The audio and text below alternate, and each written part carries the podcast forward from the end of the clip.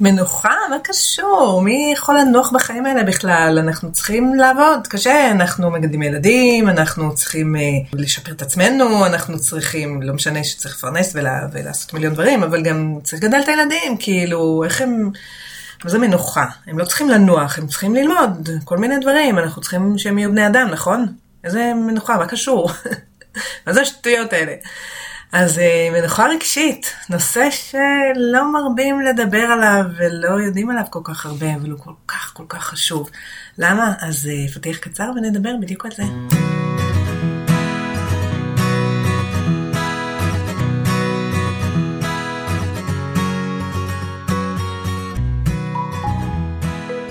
אהלן, כאן רותי דריאל מחזרה ללב הרות, ואני רוצה לדבר היום על אה, נושא אולי קצת מפתיע. בימים אלה, אה, וזה נושא של, אה, של מנוחה. ואני חושבת שזה תמיד עיקרון כזה מפתיע. אה, אנחנו לא כל כך חושבים על זה.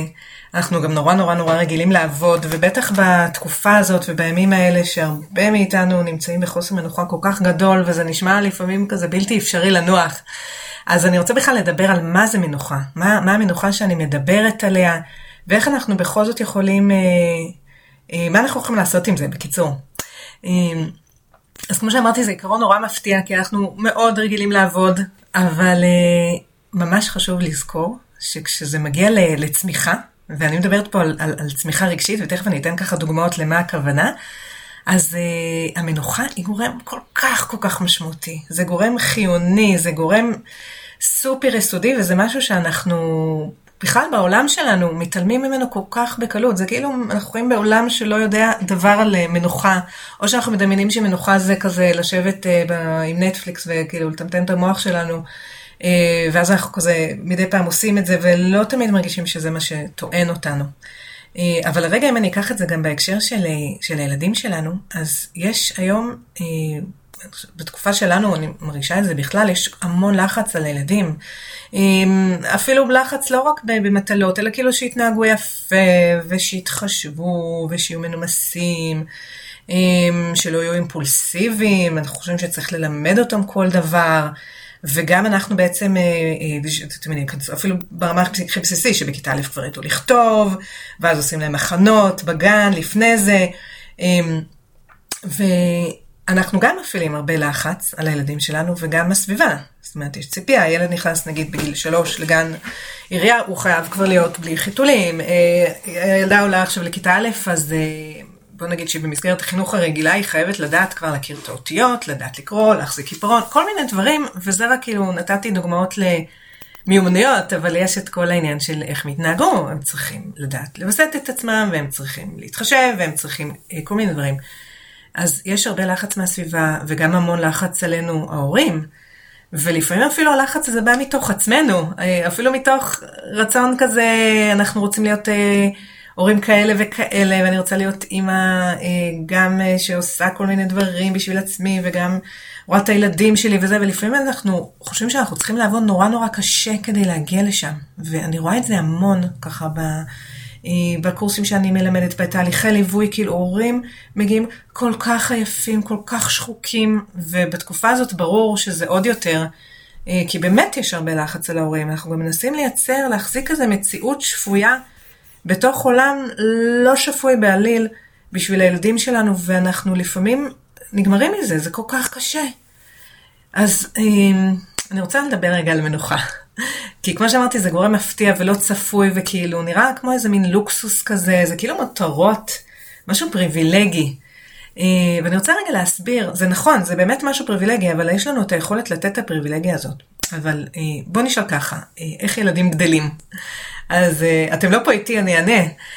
אתם בטח יודעים את זה שהגוף של ילדים, הגוף הפיזי, הוא גדל בזמן שינה, נכון? כשילדים ישנים, ככה הם גדלים. ולכן הם צריכים לישון, לכן תינוקות ישנים הרבה, ולכן בגיל ההתבגרות עוד פעם ישנים הרבה, כי יש המון המון צמיחה שצריך לעשות. וכמו שהגוף הפיזי שלנו הוא, הוא גדל בשינה וככה מתחדש בשינה, גם הצמיחה הרגשית, גם שלנו וגם של הילדים, היא קורית אותו דבר, היא קורית במנוחה. עכשיו, המנוחה שהמוח אה, צריך בשביל הגדילה הרגשית, זה לא המנוחה של שינה. אה, אני אגיד רגע על זה עוד משהו לפני שאני אכנס לאיך אנחנו יכולים להכניס את זה לחיים שלנו. אז יש לנו בעצם במוח מערכת אה, לימבית, אוקיי? שזאת המערכת הרגשית שלנו, והמערכת הזאת, רוב העבודה שלה, זאת אומרת, היא עסוקה רוב הזמן, אה, תאמינו או לא, ב- בלוודא שיש היקשרות, לוודא ולשמר היקשרות. היקשרות היא צורך חיוני, במיוחד אצל ילדים, זה ממש משהו הישרדותי. הם, הם חייבים לדעת שיש מישהו שדואג להם, ושהם מטופלים, ו- ובצדק, אם אין להם את זה, מה הסיכוי שלהם לשרוד, אוקיי? הם חייבים שיהיה מישהו שידאג להם, הם, הם לחלוטין לא יכולים עוד להתקיים בפני עצמם. עכשיו, שמה רוב האנרגיה אה, תהיה מושקעת. רק כשהדבר הזה, רק כשהמערכת הלימית מסמנת, אוקיי, מישהו דואג לי, אפשר רגע לנוח, אז המוח יכול להפנות אנרגיה לדברים אחרים, אוקיי? לצמיחה, לגדילה, לעניין, לסקרנות. נכון, אנחנו רואים לפעמים ילדים, נגיד שהם מאוד מאוד מאוד במקום הישרדותי, הם לא פנויים עכשיו אה, ללמוד משהו חדש, או, או, או להסתקרן, או להיות שמחים. גם אנחנו, כשאנחנו במקום הישרדותי, אנחנו בדרך כלל, המוח שלנו לא פנוי עכשיו אה, להסתקרן לגבי העולם סביבנו, לחשוב מחשבות, נכון? אנחנו נגיד, אם עכשיו חלילה וחס יש איזה אירוע, ו- ואני חייבת לדעת, כאילו, הדבר הראשון שאני ארצה זה לדעת איפה הילדים שלי, איפה האנשים שקרובים לי, איפה המשפחה שלי. וכל דבר אחר ייעלם, אוקיי? הצורך, האנרגיה הזאת שמושקעת בהיקשרות, אנחנו רואים את זה כאילו במצבי חירום יותר חזק, אבל זה, זה כל הזמן שם ברקע, אוקיי? ואנחנו רואים את זה במיוחד אצל ילדים. המערכת הלימבית כל הזמן עסוקה לוודא ולשמר שיש היקשרות, ורק כשיש קצת, אה, שהדבר הזה קצת במנוחה, אפשר להפנות אנרגיה לדברים אחרים. עכשיו, כשאנחנו קולטים את זה, אז אנחנו בעצם מבינים שיש לנו יכולת עצומה לתת לילדים שלנו מנוחה. נכון? אנחנו לא יכולים להגן עליהם מכל דבר. העולם עכשיו נכנס כל כך אה, חודר את הבועה השלווה שאנחנו מנסים ועמלים לייצר בשביל הילדים שלנו כדי שיוכלו לגדול במחשבה שהעולם הוא טוב ובטוח. ונכנסים כל כך הרבה דברים בתקופה הזאת מבחוץ, אבל אם אנחנו מבינים שבעצם רוב העניין של המוח הוא לא בעוולות שקורות בעולם, אלא בהאם יש לי מישהו שדואג לי. ופה, כשיש לנו ילדים, אנחנו יכולים לתת להם יכולת, כאילו יש לנו יכולת עצומה, יש לנו כוח אדיר בידיים לתת להם מנוחה. מנוחה מהמרדף הזה. בעצם זה שכשאנחנו בעצם לוקחים את האחריות על מערכת היחסים, אנחנו נותנים לילדים שלנו, מפנים להם אנרגיה לצמוח, אנרגיה לצמיחה רגשית, זה דבר עצום.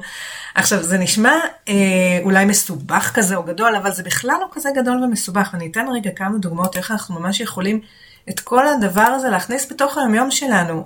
אפילו סתם, נגיד כשיש ילדים קטנים, נגיד עם הבת שלי, כשהייתה יותר קטנה, הייתה יכולה אה, כזה להתחיל לרדוף אחריי בבית. כאילו, אני עוברת מחדר לחדר והיא נדבקת, נלחצת. נכון? זה קורה לילדים, לפעמים נהיים כזה דבק.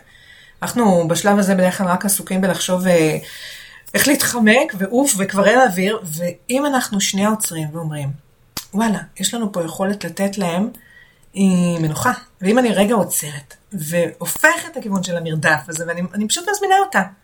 בואי, את רוצה ללכת איתי רגע למטבח? אני, אני שנייה קופצת, את באה? או אני הולכת רגע לסלון, אני מקפלת שם כביסה, את באה איתי? פשוט מזמינה אותה. לא נותנת לה לרדוף אחריי, אלא אני מזמינה אותה, לא היא זאת שצריכה כאילו לרדוף אחריי וכל הזמן להיות כזה עם העיניים.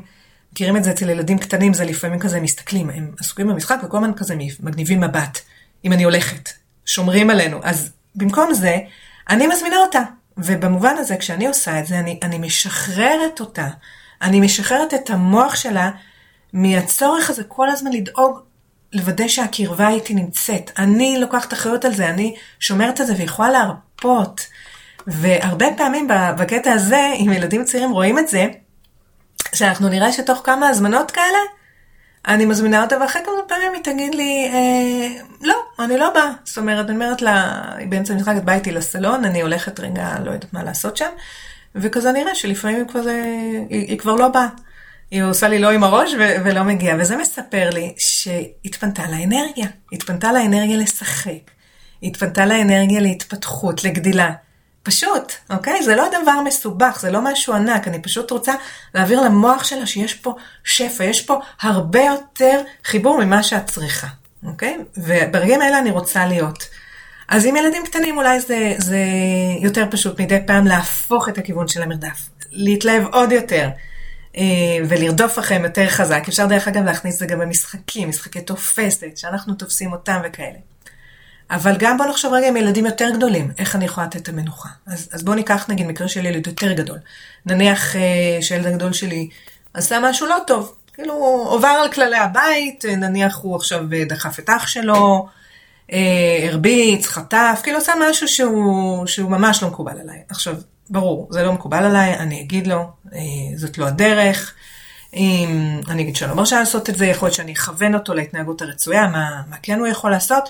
יש כמובן עוד המון המון מה להגיד על זה, אני לא, לא אכנס לזה עכשיו. אבל מה שכן חשוב לי להדגיש פה, זה שכש... לפחות כשאני מצליחה, כן, אני באיזושהי השתדלות, לפחות כשאני מצליחה, גם שם לא לקחת ממנו את הקשר. אוקיי? אם אני יכולה דווקא שם, כשהוא יתנהג לא טוב, אני כמובן לא, לא, לא אאפשר את ההתנהגות, אוקיי? לא, לא צריך, חשוב מאוד לא להתבלבל פה. זה שאני לא לוקחת את הקשר, זה לא אומר שאני מרשה לעשות את זה. אה, אני לא מאפשרת לעשות את זה, אבל אני כן אהיה בשאיפה לשמור את ההזמנה להתקיים בנוכחות שלי. ואם אני מצליחה לעשות את זה, אז שם אני יכולה לתת לו ביטחון עמוק ומנוחה, שזו מנוחה רגשית מאוד מאוד מאוד מאוד מאוד עמוקה. והרבה יותר אה, חזקה מאשר כשאני אגיד לו איזה נפלא הוא כשהוא מתנהג אה, בהתאם כן לציפיות שלי, אוקיי? אבל דווקא אם אני מצליחה לסמן, להרים את דגל העבירה, לסמן שאני לא מרשה, אבל לא לקחת לו את הקשר. ודווקא אם אני מצליחה לעשות את זה, אז זה המנוחה שאני יכולה לתת לו, והיא זאת גם שתאפשר לו בהמשך להגיע להתנהגות שאני יותר רוצה לראות. נגיד התנהגות שרואה אחרים, אה, ויותר מתחשבת ופחות אימפולסיבית, אוקיי? נגיד, אני רוצה הרי לראות, מה, מה אני רוצה לראות? שהוא, שהוא יצליח לא לדחוף את אח שלו, נכון? איך זה יקרה? זה יקרה אה, כשהוא יצליח אה, להרגיש שני דברים בבת אחת. נגיד, מצד אחד אח שלי מעצבן אותי לאללה ובא לי עכשיו, לא יודעת, מכפכף אותו. מצד שני, הוא יצליח להחזיק מחשבה נוספת של אני לא רוצה לפגוע. או וואלה, אמא לא מרשה לי להרביץ. אני רוצה שהוא יחזיק את שני הדברים האלה בבת אחת, וזה דורש ממנו בעצם יכולת שנקראת אינטגרציה. זה דורש שהמוח שלו יעשה את הדבר הזה. עכשיו, אני אגיד פה בסוגריים שבגיל צעיר, הפונקציה הזאת במוח עוד לא עובדת. זאת אומרת, ילדים מתחת לגיל 5-6, אל תצפו שהם יצליחו תמיד uh, להתאפק, הם נורא אימפולסיביים. אני מדברת על זה בקורס להורים לילדים צעירים, מי שככה עוד לא למדו אותו, אנחנו מרחיבים על זה הרבה, ואיך המוח שלהם מתפתח ו- וכל זה, ומה אפשר לעשות עד שזה מתפתח. אבל אני רוצה להגיד שלפעמים, בגיל צעיר כמובן, זה לא יעבוד, הוא עוד לא יצליח לערבב את זה, אבל תסתכלו סביבכם. ואנחנו רואים הרבה פעמים שגם כשגדלים זה לא כל כך עובד טוב. נכון? זה לא מובן מאליו. לא כולם מצליחים להיות מבוסתים, לא כולם מצליחים להתאפק, יש המון אנשים אימפולסיביים בעולם שלנו. זה מגפה. למה? למה זה קורה? כי הרבה פעמים הפונקציה הזאת היא, היא, היא לא מבשילה. ומה היא צריכה? מה שיעזור, מה, מה, מה יעזור לדבר הזה להבשיל? זה בדיוק המנוחה הרגשית שאני מדברת עליה. כשהמוח יכול להיות במנוחה רגשית, הוא יכול להפנות משאבים לתהליכי הבשלה, זה בדיוק מה שתומך כשאני נותנת לילד שלי מנוחה רגשית, שהמוח שלו לא צריך להיות עסוק ב... אוהבים אותי, לא אוהבים אותי, רוצים אותי, לא רוצים אותי, יש לי מקום, אין לי מקום. כשזה הדבר, המקום הזה בטוח בשבילו, המוח שלו יכול רגע לנוח מכל הדבר הזה, ו, אה, ולהפנות אנרגיה ומשאבים לצמיחה שלו, אוקיי? עכשיו, זה, זה, זה קצת כמו, אנחנו לא נצליח לעשות את זה באופן אבסולוטי, זה, זה חשוב להגיד, כן? זה קצת כמו, אני אוהבת אה, אה להשוות את המנוחה הזאת ל, לרעב. אוקיי? רעב פיזי, נכון? אנחנו, תמיד יש בתוכנו את הצורך הזה באוכל. ו, ו, וגם תמיד יש בתוכנו, בתוכנו את הצורך בקרבה, במגע, בהיקשרות, זה צורך חיוני. אבל בואו נגיד שאחרי שאנחנו אוכלים, כזה ארוחה, ניקח את המשל של האוכל, אחרי ארוחה טובה, אז זה נותן לנו ככה שקט לכמה שעות. זאת אומרת, כמה שעות לא צריך לחשוב על אוכל. אבל זה לא שהצורך באוכל נעלם, הוא פשוט שקט לזמן מה, ואחר כך הוא מתעורר שוב מחדש, אוקיי? אבל המקום הזה שבו יש לנו קצת שקט מהדבר הזה, זה נותן לנו כמה שעות של שקט, אנחנו יכולים להפנות אחרי שאנחנו שבעים את האנרגיה למקומות אחרים. אה, ללמוד, לדבר, ליהנות מדברים, אנחנו לא רק עסוקים באוכל, נכון? כשאנחנו חושבים על אוכל, אי אפשר להתרכז בכלום. אז זה אותו דבר, ככה זה גם הרעב ההיקשרותי. הוא תמיד נמצא שם, אבל אנחנו יכולים לפתוח חלונות קטנים אה, רגעי חיבור כאלה, אנחנו יכולים לתת כמו, כמו ארוחה היקשרותית טובה, לתת מגע וקרבה והזמנה להתקיים בנוכחות שלנו, וזה בעצם נותן איזו הפוגה של מנוחה ושובע, בדיוק כמו שאנחנו נותנים ארוחות כדי לייצר רגע חלון של שובע מרעב, שאפשר להפנות אנרגיה למשהו אחר. אנחנו רוצים גם לתת חלונות של שובע מרעב היקשרותי, וזה מאפשר הפוגה. אה, הילדים לא עסוקים במרדף הזה, זה, זה מה שנותן, זאת המנוחה שאני מדברת עליה. שהילד לא עסוק במרדף הזה, אה, רוצים אותי, לא רוצים אותי, יש לי מקום, אין לי מקום, והוא יכול רגע להיות במקום הזה שהוא רגע נח, המוח שלו יכול להפנות אנרגיה לצמיחה. ואני רוצה לפתוח חלונות כאלה של צמיחה. אז כמו שאמרתי, יש לי הזדמנות לתת אותם, גם כשאני יוזמת מגע, קרבה, הזמנה אה, וכל זה, אבל אה, גם כשאני מצליחה לעשות את זה, בעצם, כשאני, דווקא כשה, כשהילדים לא עונים לציפיות שלי, זאת הזדמנות לתת כאילו מנוחה, חתיכת מנוחה, זה ככה כמו איזה ארוחת גורמה. כשאני מצליחה, כמו שאמרתי, כשהילד שלי מתנהג לא טוב, לעצור את ההתנהגות, שוב, לא להתבלבל שם ולהגיד אה, סבבה שיעשה מה שבא לו, אני עוצרת, אבל אני מנסה לא לקחת את הקשר. זה אה, הזדמנות עמוקה ועצומה לתת מנוחה רגשית לילדים שלנו. עכשיו, ברור שזה הרבה יותר קשה, כן? הרבה יותר קשה לתת את זה ברגעים האלה, לא סתם. ובעצם, בשביל זה, יש צורך בזה שגם אני צריכה פה את ההבשלה הרגשית שלי. בעצם, מה נדרש ממני שם? שאני אצליח להחזיק, גם כשאני, כשהילד עכשיו מעצבן אותי בטירוף ואני כועסת, שאני אצליח להחזיק שני רגשות ביחד, בו זמנית, גם אצלי, אוקיי? שמצד אחד, זה לא מקובל, אני לא מרשה לדחוף את האח שלך ואני לא מאפשרת את זה יותר, אבל מצד שני, להחזיק רגש נוסף או מחשבה נוספת שהילד לא באמת פועל נגדי, או שיצא לו תסכול בצורה לא טובה, או לזכור שכרגע, לא יודעת, יכול להיות שיש לו איזה שהם קשיים, או שכרגע הוא בתקופה אימפולסיבית מכל מיני סיבות. זה לא שזה נותן לו הנחה ואני מאשרת לעשות את זה, שוב, זה להחזיק את שני הדברים. מצד אחד אני לא מרשה ואני עוצרת, מצד שני הוא לא עובד נגדי. וכשאני מצליחה בתוכי להחזיק את האינטגרציה הזאת, אוקיי? להחזיק את הגם וגם, יש אה, פחות סיכוי שאני אפנה למקומות האימפולסיביים או המתגוננים שלי. נכון? הרבה פעמים כל ה... עוף לחדר, אה, לך מפה, אה, כאלה, או שאני הולכת, או אני לוקחת לך משהו, כל המקומות האלה, כשאני בעצם עושה דברים, כשהילד מתנהג בצורה לא טובה ואני בעצם מתנתקת ממנו, שוברת את החיבור בינינו, אה, מרחיקה אותו, מתרחקת ממני, מתרחקת ממנו, וכל זה הרבה פעמים, זה לא באמת נעשה. אם נהיה כנים עם עצמנו, זה לא באמת מתוך אג'נדה חינוכית. אני לא באמת חושבת שזה מה הדבר הנכון. מתוך צורה מושכלת. יש כאלה שכן, אז בסדר, זה דיון אחר. האם השיטות האלה יעילות או לא, אבל אם אני אה, כבר מבינה שזה לא הדרך לחנך, הרבה פעמים בכל זאת זה יוצא. למה זה יוצא? זה מהמקומות האימפולסיביים שלנו. במקומות שאנחנו מאבדים את היכולת לחשוב גם וגם. אז, אה, אז בעצם, מה שאני רוצה להגיד זה שאנחנו רוצים לאפשר לילדים את המנוחה הרגשית בעצם זה שאנחנו לוקחים אחריות על הקשר תמיד, בכל מצב. שוב, זה לא אומר שנקבל כל התנהגות, אבל אה, נשמור כן על החיבור. אז נניח, אם רגע נחזור, אני יודעת שחלק מכם אומרים עכשיו, נו, אז מה כן, אז מה כן, אז מה כן. אז אני אומרת לו, זה לא מקובל, התסכול שלך יצא לא טוב, את זה אני לא מרשה. אני כמובן אפריד פיזית.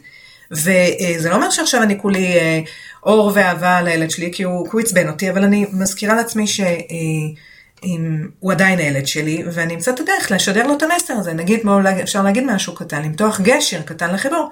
עוד מעט העניינים ירגעו ונאכל ארוחת ערב, אוקיי? אני מותחת איזה גשר לזה שהחיבור שלנו ממשיך. זה כבר עוזר. אה, עכשיו, בשביל שאני אוכל לעשות את זה, שזה לא יהיה מהשפה לחוץ, אני לא רוצה, אמרתי ככה דוגמה, אה, אבל אני לא רוצה שתדקלמו איזה משפטים. אה, אני רוצה שבאמת אנחנו נבין כמה המנוחה הרגשית היא חשובה לתת לילדים, אבל היא גם חשובה עבורנו. והרבה פעמים אנחנו מסתכלים על זה כאיזה מין איזה לוקסוס. התפיסה שלנו כאילו זה מותרות, אין לנו זמן לנוח, בטח לא כשמגדלים ילדים, בין אם הם ילדים קטנים, בין, בין אם הם כבר ילדים גדולים אבל הם יותר מורכבים, ובטח בתקופה כזאת שהעולם כל כך סוער סביבנו, אבל בשביל שאנחנו נוכל לאפשר את המנוחה הרגשית לילדים כדי שהם יוכלו לגדול, אנחנו גם צריכים בשביל עצמנו את המנוחה הרגשית. היא כל כך חשובה. עכשיו, הרבה מאיתנו לא, לא חווינו את, ה, את המותרות האלה, כן? של הבשלה שדיברתי עליה עכשיו. אולי בעצמנו כשהיינו ילדים היינו נורא עסוקים בהיקשרות ובכל מה שקשור אליה. אולי גידלו אותנו ככה שהיינו באמת במרדף הזה אחרי היקשרות. להיות טובים או להתנהג יפה כי אחרת ייקחו לנו את הקשר וכן הלאה. ותזכרו שהמרדף אחרי היקשרות זה תמיד הדבר הכי בסיסי והכי ראשוני. רק כשיש ביטחון עמוק שם, אה, המוח שלנו יפנה אנרגיה להבשלה. אז יכול להיות שלא עשינו את זה כשהיינו קטנים, כי לא היה לנו את ה... את המותרות האלה, את הלוקסוס הזה בתחילת החיים שלנו, אולי גם לא היה לנו את זה בהמשך. אבל פה אני רוצה להגיד לכם שצריך לזכור שאף פעם לא מאוחר מדי. ו- ופה ככה אני אגלה לכם סוד, שלפעמים אנחנו מגלים את הילדים שלנו, אנחנו מבינים מה אנחנו רוצים להם לתת, אה, מה אנחנו רוצים לתת להם, כדי שהם יוכלו לגדול. ו- ואנחנו יכולים גם לעזור לעצמנו לגדול. זאת אומרת, דרך ההורות הרבה פעמים יש לנו עוד הזמנה, עוד הזדמנות לעשות את זה. ומה שחשוב לי, שתיקחו, זה שאם אנחנו באמת באמת מבינים את ה... כמה המנוחה חשובה, שהיא לא איזה מין משהו שצריך לדחוק אותו, היא באמת חשובה בשביל הצמיחה. כמו שגם בכל מיני מצבים, גם כשקשה לנו, שינה תהיה שם, ואנחנו נדאג שהילדים שלנו ישנו טוב, אותו דבר, אנחנו רוצים שיהיה, אני רוצה שיהיה לכם בראש גם את החשיבות של המנוחה בשביל הצמיחה. היא לא פחות חשובה מהשינה אה, הפיזית, המנוחה הרגשית הזאת שאני מדברת עליה, ואז אם אנחנו מבינים שזה חשוב, אנחנו נוכל לחפש יותר איך אפשר לתת את זה לילדים, ולחפש יותר איפה אפשר גם לתת את זה בשביל עצמנו. אה, כי זה חשוב, אין לנו, יהיה לנו מאוד קשה להגיב באופן מאוזן אה, לילדים שלנו כשאנחנו בעצמנו בחוסר מנוחה. אז איפה אנחנו יכולים קצת לדאוג פחות, קצת אולי להישען על מישהו אחר, אולי למצוא את, ה, אה, את המקומות הקטנים שטוענים אותנו, הרי אנחנו צריכים למלא גם את עצמנו מדי פעם, לתת לנו רגע את המקומות האלה. אה, זה יכול להיות עם הילדים, זה יכול להיות בלי, איפה אנחנו יכולים רגע למלא את הבאר שלנו, לתת לעצמנו רגע מנוחה רגשית, ואני יודעת כמה זה קשה בחיים אינטנסיביים, אפשר לעשות את זה ברגעים נורא קטנים. אני יכולה להגיד לכם, אני נגיד מנסה לעשות את זה דרך הסתכלות על, אה, על נוף, על עצים, איזה רגע כזה של לשאוף את זה פנימה ולהיטען, וזה נותן לי מנוחה. או נגיד, יש את הרגעי אה, חסד הקטנים האלה, שהילדים נגיד פתאום בטוב, משחקים בנחת וזה, אז יש את הרגעים האלה, ואנחנו בדרך כלל ממהרות אה, לקחת, אה, או לקחת אותם כדי לעשות דברים, אוקיי? אני ארוץ לבדוק מיילים, או אני אלך מהר לעשות אוכל, או איזה כיף שאני לא, שלא צריכים אותי, ואני אומרת, רגע, אולי שנייה לשבת, להסתכל על זה, ורגע לשאוף את זה פנימה, זה מה זה נותן? לי לפחות מנוחה, רגעי חסד כאלה. להתמלא מזה. או לשמוע שיר שאני אוהבת, אה, לשאוף את זה פנימה גם, זה גם נותן מנוחה, או, או אני אוהבת גם ללכת לשיר לפעמים, לא שאני איזה זמרת, אבל זה פשוט נותן מנוחה רגשית. לעשות הליכה, להתחבק עם אנשים שאנחנו אוהבים. זה יכול להיות דברים נורא נורא קטנים, אני נתתי ככה כמה רעיונות, זה יכול להיות כל כך עוד הרבה דברים, אבל אני רוצה שתיקחו את העיקרון הזה, שהמרחב הזה של מנוחה הוא, הוא, הוא כל כך חשוב, הוא כל כך חשוב, ואנחנו רוצים לתת אותו לילדים שלנו כדי שהם יוכלו לגדול, ואנחנו רוצים לתת אותו לעצמנו. דווקא דווקא בימים כל כך חסרי מנוחה, למצוא את הרגעים הקטנים. אה, אני גם אה, מוצאת שלכתוב, אה, ככה אפילו לקחת מחברת ולכתוב מחשבות, זה גם עוזר לי. ואני מזמינה אתכם לחפש בשבילכם מה נותן לכם מנוחה, וגם אם בא לכם תכתבו לי. תמיד אשמח לקרוא, לקבל רעיונות. אה, ולהעביר אותם הלאה גם, אה, ככה אפשר אה, לכתוב לי בקבוצה שלי, חזרה ללב ההורות, הורות בגישת ההיקשרות, אפשר לכתוב לי בפרטי למייל, אני תמיד כל כך שמחה לקרוא אתכם ולשמוע. זהו, אז אני ככה סוגרת את הפרק הזה, ואם נשארתם עם שאלות, מחשבות, משהו שבא לכם לשתף אותי, כמו שאמרתי, בקבוצה חזרה ללב ההורות, הורות בגישת ההיקשרות, אני תמיד שמחה לקרוא, גם אפשר לכתוב לי למייל הפרטי שלי, מופיע באתר. אה, ואם בא לכם לשתף הורים נוספים, תרגישו הכי אה, חופשי, אני מתה על זה שמשתפים באינסטגרם, בוואטסאפ, בפייסבוק, מכל מיני מקומות מגיעים אליי, ככה אני שומעת שמשתפים וזה ממש כיף וממלא. זהו, אז אני מאחלת לכולנו שנמשיך לגדול יחד עם הילדים. אני מקווה שעכשיו המשפט הזה מקבל עוד משמעות במה זה אומר לגדול. זהו, להתראות, רותי דריאל.